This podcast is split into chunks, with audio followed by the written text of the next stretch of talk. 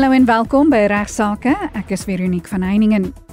Ignap praat die week onder meer oor waterregte, asook die interdik wat verleen is op aansoek van AfriForum teen die EFF en Malema wat hulle verhoed het om privaat eiendom te betree en te beset. Hy praat ook oor die wiele van die gereg wat soms ontsettend stadig loop. Hy het wel 24 jaar gewag na sy besering voordat hy vergoeding ontvang het. In die tweede deel van regsaake sluit spesialis gas Esmerie McCallahan by my aan en sy verduidelik vir ons die week hoe surrogaatskap werk.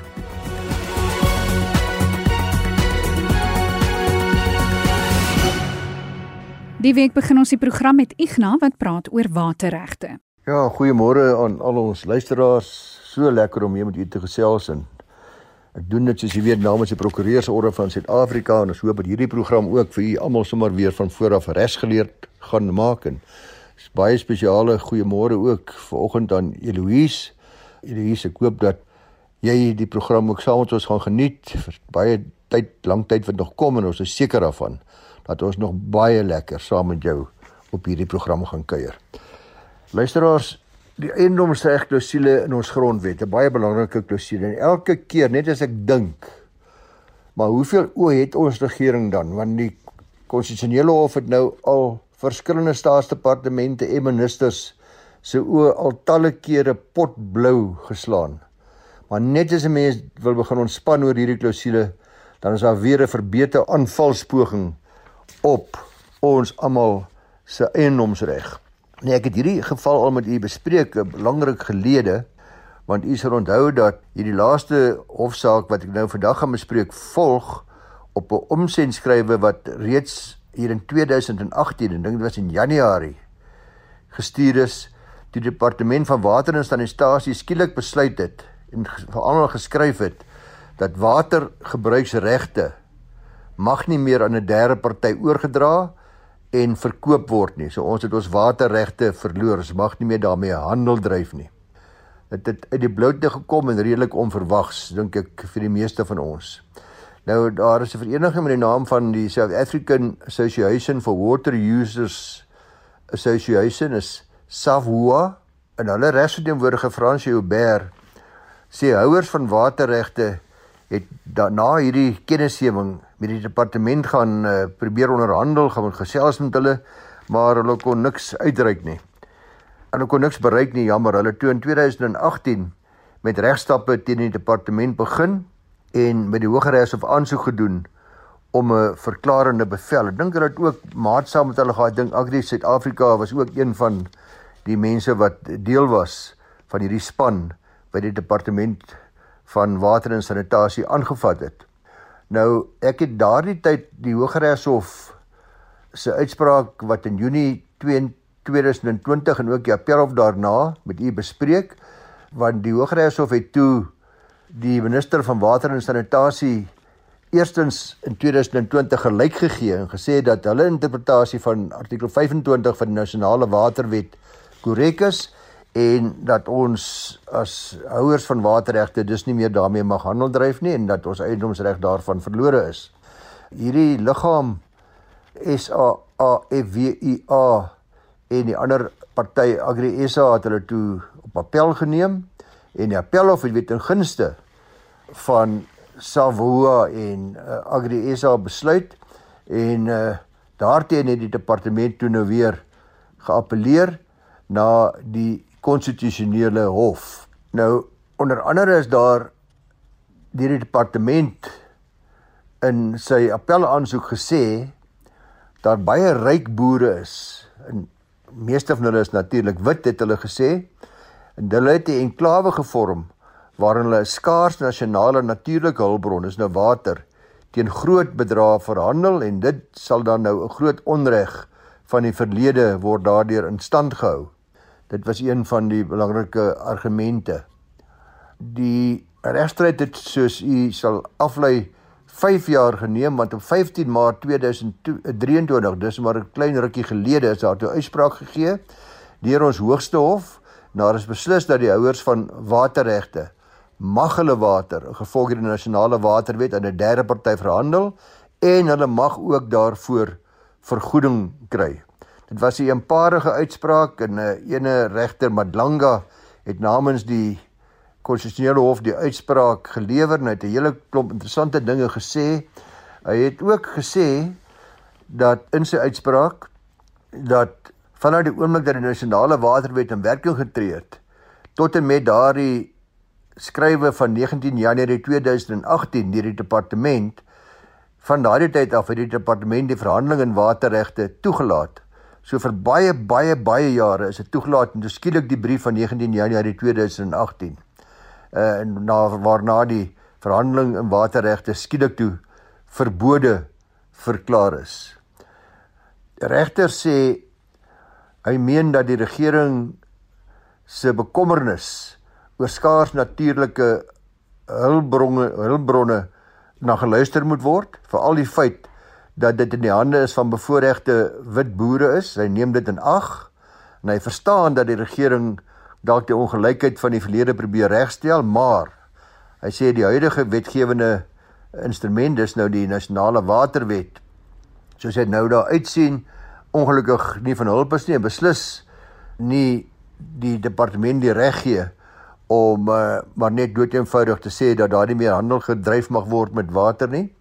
En hy sê ook die wyse, hy kritiseer die wyse waarop die departement van water en sanitasie die doelwit probeer bereik het en uiteindelik gee dan ook 'n kostebevel teen die departement en moet al die hulle moet al die ander departemente se reskoste betaal en dis wat my elke keer natuurlik ontstel want na 'n 5 jaar stryd is dit nie die departemente en die ministers en die direkteur-generaals wat wie se sakke geskit word nie dis ons as belastingbetalers wat maar tot 'n groot mate weer belas word met die dramatiese reskoste wat deur talle departemente al nou al vir baie jare aangegaan word met hulle aanvalle op die eiendomsreg van dit wat volgens die grondwet hof en die grondwet gewaarborg is.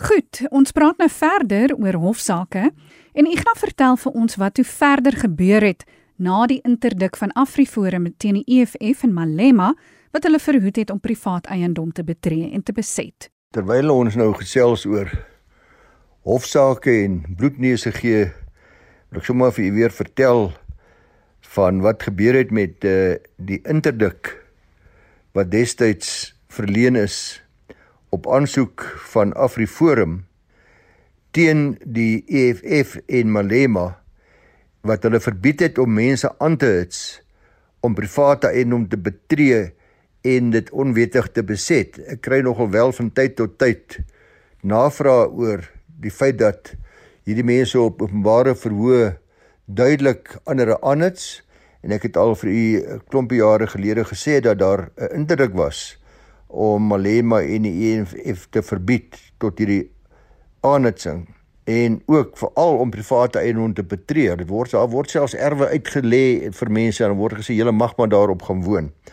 Nou die EFF het toe nou in Januarie vanjaar, dis nou in 2023, het hulle besluit om verlof tot appel teen hierdie interdik te doen teen hierdie uitspraak van die Hooggeregshof te doen en uh die Hooggeregshof luisteraars het hierdie aansoek van die hand gewys en toe het die EFF wat uh, nie maklik gaan lê nie soos ons hulle ken, het toe die konstitusionele hof genader met 'n soortgelyke aansoek om verlof tot appel teen hierdie uitspraak. Nou soos wat ek destyds al vir u op 'n vorige program gesê het, het ek gedink dat daar nie geen kans is dat daar baie geringe kans is op sukses en inderdaad het die hof dan nou ook bevind dat daar geen redelike vooruitsig is dat 'n appel suksesvol sal wees nie. Nou hierdie beslissing het Afriforum gesê is 'n groot oorwinning vir die reg op private eiendom en ek stem met hulle heelhartig saam. Dit is weer baie duidelik dat daar nou 'n baie duidelike aanduiding is deur die hof in geen onsekere taal met die feit dat hulle die gesê dat daar geen redelik geen gronde is moontlike gronde is vir sukses nie dat dit duidelik is dat meneer Malema of soortgelyke mense en die EFF strafregtelik vervolg kan en sal word vir aanhitsing tot grondbesetting. Ek dink uh, vir die luisteraars van RSG goeie nuus. En net laastens bespreek Ignas saak wat verband hou met die wiele van die gereg wat soms ontsettend stadig loop. Ja, baie mense kla oor die wiele van die gereg wat ongelooflik stadig loop. Ons sê van uitstel kom afstel want uitstel is maar soos 'n dief wat jou tyd steel en en eintlik nie respek het vir my en ander se tyd wat geraak word nie. Mens praat van 'n prokrastineerder. Ek weet nie wat 'n anglisisme is nie. Maar uh dalk 'n taalgogga. Maar 'n uh, uitsteller klink dalk beter. Gelukkig is dit nie dieselfde vir 'n polisiebeampte wat uiteindelik van uitstel kom afstel moes aanvaar nie, maar hy het wel 24 jaar gewag na sy besering voordat hy vergoeding ontvang het. Ja, konstabel Rubel Botha. Hy was 24 jaar gelede was hy passasier in 'n voertuig wat met 'n uh, dis 'n polisievoertuig wat met 'n minibus taxi gebots het terwyl hulle besig was om 'n verdagte agterna te sit. Dis belangrik om daarop let meer Botha besering opgedoen het voor die botsing want tydens uh, sy voorbereiding om 'n lid van die SAPD se gespesialiseerde reaksieeenheid te word, het hy 'n nekbesering opgedoen. Nou wanneer 'n persoon natuurlik beseer word ten tye van of 'n uitvoering van sy of haar beroep, dan kan hulle eis instel by die vergoedingskommissaris vir die kommissaris om dan 'n bevinding te maak in terme van die uh, vergoeding wat aan hulle verskuldig mag wees. Nou hierdie vergoedingskommissie het egter geweier om 'n bevinding in meneer Botha se guns te maak na afloop van die ongeluk. Hulle was van mening dat sy nekbesering 'n uh, onderliggende vooraf bestaande toestand was het hulle hom dus 'n uh, eh, vergoeding in terme van die wet op vergoeding vir beroepsbeserings en siektes geweier. Hy het hom toe gewend na die Gautengse Hooggeregshof daar in Pretoria en die het besluit om die kommissie se besluit tersyde te stel en bevind dat meer Botha 60% ongeskiktheidsvergoeding behoort te ontvang. Hy het ook die kommissaris beveel die hof om die berekening te doen vir hierdie vergoeding met 'n agnoming van die 60% gestremdheid bevinding. Die Botha was steeds ongelukkig uit om na die Hoogste Hof van Appel gewend. Hy was mening dat die Hooggeregs so verkeerdelik 60% beslis het en hy inderdaad 100% gestremd is as gevolg van die spesifieke besering. Die vergoedingskommissaris het ook appel aangeteken teen die beslissing en weer geargumenteer dat sy versuim om op 'n oorlog van waarskynlikhede te bewys dat daar 'n kausale verband tussen sy besering, die gestremdheid as gevolg daarvan en die motorongeluk was terwyl in diens opgetree het met 'n aggenome van die onderliggende nekbeserings en die beserings wat dalk bygedra het vooraf beserings bygedra tot sy gestremdheid wat hy aanlei. Die hof het toe die sweepslag beserings en die spierspasmas behoorlik ondersoek waarmee ek nie gaan belas nie, maar dit was duidelik hy het baie pyn ervaar en dit het opgedoen ten tye van die botsing as ook sy nekbesering voor die botsing. Die hof kom uiteindelik tot die bevinding dat die nagevolge van die ongeluk baie ernstig was in die sin dat hy ten tye van sy eh, diagnose spinale beroerte gehad het. Die regter het gevolglik beslis na 24 jaar luisteraars dat die vergoedingskommissaris verkeerdelik hulle bevinding gemaak het en of dit verder die kommissie 6 maande gegee om die vergoeding wat meer bota toekom met 'n aggenome van die 24 jaar wat al verloop het uit te werk en vas te stel. En die hof het ook terloops en ek daaroor is ek baie bly opmerking gemaak dat die vertragings in die finalisering van hierdie eis onredelik verskriklik erg was, onverduidelikbaar is en onverskoonbaar is. Dink ons almal stem daarmee hartlik saam. Ook van my kant af groete tot volgende maandag 12:30. Dankie Igna. Die week verwelkom ek graag weer vir prokureur Estmarie McCallahan van van Velden Duffy Prokureurs in Rustenburg. Sy spesialiseer in algemene siviele aangeleenthede. Estmarie verduidelik vandag vir ons hoe surrogaatskap werk. Goeiemôre Veronique en luisteraars. Dis vir my voorreg om ver oggend weer 'n bietjie van die reg met julle te kan deel. En ek gaan ver oggend praat oor 'n baie interessante onderwerp wat ek dink min mense enigiets van weet omdat min mense in die samelewing eintlik hiermee te doen kry. En dit is die onderwerp van surrogaatskap. Nou ek glo meeste mense sal min of meer weet wat 'n surrogaatskap is, maar dit is in effek wanneer jy nie self geboorte kan skenk aan 'n kind nie, dan kan jy 'n ander vrou kry om namens jou geboorte te skenk aan 'n kind. Daardie vrou word bevrug deur kunsmatige inseminasie en sy dra die baba vir 9 maande en sy skenk geboorte en dan word daardie baba gegee aan wat ons gaan noem die opdraggewende ouers en hulle vat daardie baba huis toe en en daardie kind vir alle regsdoeleindes is die opdraggewende ouers se kind en die surrogaatskap gaan die surrogaatma gaan huis toe sonder 'n baba en sy beweeg aan met haar lewe. So in plain taal is dit in effek wat 'n surrogaatskap is. Maar in ons reg word surrogaatskappe baie baie baie streng gereguleer vir goeie rede. Op die ouen van die dag wil jy nie in 'n situasie sit waar die surrogaatma na geboorte nie die kind wil oorhandig aan die opdraggewende ouers nie en aan die ander kant wil jy ook nie in 'n situasie sit waar die surrogaatma nou geboorte skenk aan 'n kind en die opdraggewende ouers wil nie meer die kind hê nie. So daardie is twee van die redes wat dit baie belangrik maak dat surrogaatskap baie streng gereguleer word in ons land. Nou, daar was onlangs 'n hofuitspraak gewees waar die hof nie wou toelaat dat mense voortgaan met 'n surrogaatskap ooreenkoms nie en ek sal nou-nou 'n bietjie meer besonderhede oor daardie hofsaak bespreek, maar voordat ons daar uitkom, wil ek net 'n bietjie agtergrond gee oor wat die vereistes in ons reg is vir 'n geldige surrogaatskap ooreenkoms om tot stand te kom. Nou daar's baie vereistes. Ek gaan die mees belangrikste vereistes vandag uitlig alhoewel dit nie noodwendig al die vereistes is nie. Nou die heel eerste vereiste is die surrogaatskap ooreenkoms moet op skrif wees en hy moet onderteken word deur alle partye. Met alle partye bedoel ek die opdraggewende ouers as ook die surrogaat. Nou Die opdraggewende ouers, as dit 'n enkel persoon is, is dit slegs daardie enkel persoon wat die opdraggewende ouer is en wat moet toestem tot hierdie proses. Maar as dit twee persone is, het sy twee mans, twee vrouens of 'n man en 'n vrou, hoe ook al jou situasie is, dan moet al twee die opdraggewende ouers toestem tot hierdie surrogaatproses. Aan die ander kant, as die surrogaat nie 'n enkel lopende vrou is nie en as sy ook 'n 'n gade of 'n lewensmaat het, moet haar gade of haar lewensmaat ook toestem tot hierdie surrogaat ooreenkoms.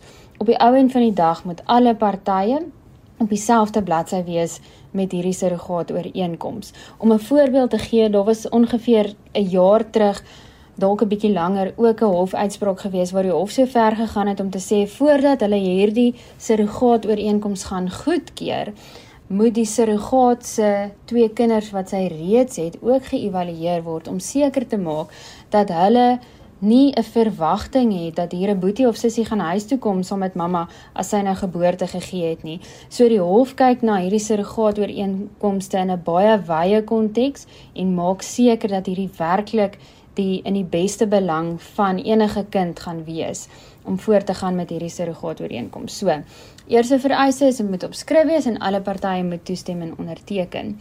Dan soos wat ek nou reeds genoem het, die hof kyk na hierdie ooreenkoms en die hof moet hierdie ooreenkoms goedkeur voordat jy mag voortgaan met die surrogaat ooreenkoms. En die hof, soos ek sê, het 'n wye diskresie om dit goed te keur of nie goed te keur nie en is baie baie streng dat al hierdie vereistes noukeurig nagekom moet word.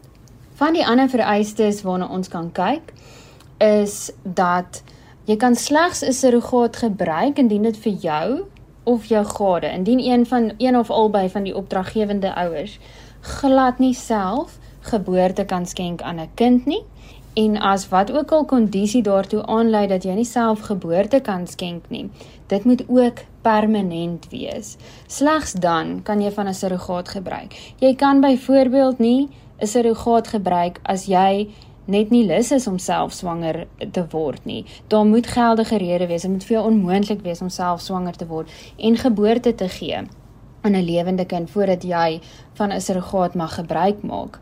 Verder mag jy slegs 'n surrogaat gebruik indien daardie surrogaat reeds geboorte geskenk het aan 'n lewende baba en indien daardie surrogaat 'n lewende kind van haar eie het. Slegs dan mag iemand optree as jou surrogaat. 'n Verdere vereiste is ook dat die surrogaat geen inkomste hieruit kan verdien of geen kommersiële redes het hoekom sy hierdie surrogaatskap ooreenkoms aangaan nie. Dit kan byvoorbeeld nie 'n besigheid wees wat bedryf word waar jy mense betaal om namens jou jou kinders te kry nie. Dis 'n baie streng vereiste ook. En dan nog 'n vereiste is dat jy ten minste 18 maande moet wag nadat die hof die bevel goedgekeur het voordat jy dan kan voortgaan met die surrogaatskap. Met ander woorde voordat daar voortgegaan kan word om 'n uh, eiertjie te bevrug en en die implanting te doen in die surrogaatmoeder.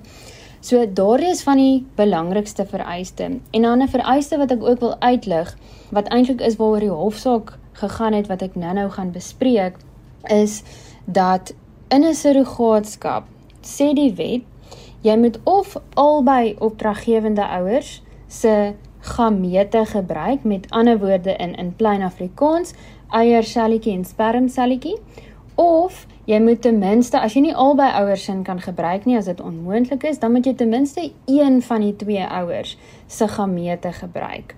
So jy kan nie in 'n posisie sit waar jy 'n donasie kry vir 'n spermsel en 'n donasie kry vir 'n eiersel en sodoende dit bevrug en 'n kind kry nie. Daardie kind wat uit 'n surrogaatskap gebore word, moet geneties gelink of geskakel wees aan ten minste een van die twee opdraggewende ouers. Dis 'n baie belangrike vereiste en dit is dan ook waaroor die hofsaak gaan wat ek vandag wil bespreek. So in hierdie hofsaak het die partye om eerlik te wees eintlik in 'n baie hartseer situasie gesit. Hulle het vir baie lank gesukkel om self kinders te kry en hulle het deur verskeie rondes gegaan van kunsmatige inseminasie, IVF ensovoorts en hulle kon net nie regkom nie. En uiteindelik het hulle op die punt gekom waar hulle skenkings moes kry vir die eiersel en die spermsel en met daardie skenkings het hulle 7 embrio's gehad. Nou die vrou in hierdie saak, die opdraggewende ma, het die swanger geword met 'n embrio en sy het geboorte geskenk aan daardie kind. Nou toe hulle wou gaan vir 'n tweede kind, was sy 6 maande swanger toe daar komplikasies gekom het en sy het die baba verloor, maar sy het ook haar baarmoeder in die proses verloor. Wat dit nou vir haar onmoontlik gemaak het om self 'n tweede kind te hê met hierdie embrio's. Dit is dieselfde embrio's as waaruit die eerste baba gebore is, hulle eerste kind. So menende hierdie embrio's wat hulle nou nog oor het, is geneties geskakel aan hulle eerste kind wat ek, ek dink ongeveer 3 jaar oud was ten tye van hierdie aansoek as ek dit nie mis het nie. So sy sit weer in 'n posisie waar hulle nou gebruik moet maak van 'n surrogaat. Hulle het embrio's en hulle moet nou 'n surrogaat kry om om hierdie baba te dra en geboorte te skenk. Die probleem is die vereiste wat ek nou-nou genoem het wat in die wet staan dat baba wat deur 'n surrogaat gedra word, moet geneties 'n genetiese skakel hê aan ten minste een van die twee ouers. Nou onthou ek het gesê hulle het nou eiersel en spermselskenkings gekry. So hulle sit nou in 'n posisie waar waar hulle het 'n surrogaat. Hulle het embrio's, maar hierdie embrio's is nou nie geneties geskakel aan een van die twee opdraggewende ouers nie. En nou voldoen hulle nie aan al die vereistes van die wet om hierdie surrogaatskap goed te keur nie. So voordat hulle toestemming by die hof kon kry of goedkeuring by die hof kon kry vir die surrogaatskap ooreenkoms, het hulle eers 'n hofaansoek gebring om hierdie vereiste in die wet ongeldig te verklaar. En hulle redenasie was dis vir hulle onmoontlik om embrio's te hê wat aan ten minste een van hulle twee geneties geskakel is. Maar hierdie embrio's wat hulle het, het 'n genetiese skakeling met hulle bestaande kind. So ten minste sal hulle kinders dan vol broer en suster op die ou end van die dag kan wees. Dit is net hulle is nie geneties geskakel aan een van hierdie twee opdraggewende ouers nie. En die hof het op die einde van die dag ongelukkig gesê dat hy nie bereid is om die hierdie gedeelte van die wet ongrondwettig te verklaar en hierdie vereiste te verslap nie. Want die konstitusionele hof het al reeds in die verlede na hierdie vereiste gekyk en geldige rasionele gronde gevind oor hoekom dit nodig is om hierdie vereiste te hê dat dit dat die dat die embrio of die baba aan ten minste een van die twee opdraggewende ouers geskakel moet wees, geneties geskakel moet wees. En een van hierdie redes is dat 'n kind moet weet waar hy vandaan kom. Hy moet selfidentiteit kan hê. Hy moenie wonder in in plain Afrikaans wie se kind is ek nie. Nou, dit is eintlik baie dieselfde wat 'n mens kan sê van 'n kind wat jy aanneem, dit ook nie 'n genetiese skakel met jou nie, maar wanneer dit nou kom by surrogaatskap, het ons ongelukkig hierdie vereiste. So op die ou end van die dag sit hierdie twee mense in die posisie waar hulle daardie embrio's het. Sy word toegelaat om hulle self te dra in prinsip, maar sy het nie 'n baarmoeder nie. En dit is nie toelaatbaar om hierdie embrio's dan deur 'n surrogaat te laat dra weens hierdie vereiste dat die embrio's aan ten minste een opdraggewende ouer uh, gelink moet word of 'n skakel moet hê nie. So hulle sit in in die ongelukkige situasie waar hulle ongelukkig nie sal kan voortgaan om of self kinders te kry of 'n surrogaat te gebruik nie. So dit is eintlik 'n baie hartseer situasie, maar ek wil hê mense moet weet dat daar geldige rasionele gronde is vir hierdie vereiste wat op die ou end van die dag in die kind wat hieruit gebore sou word se beste belang moet wees.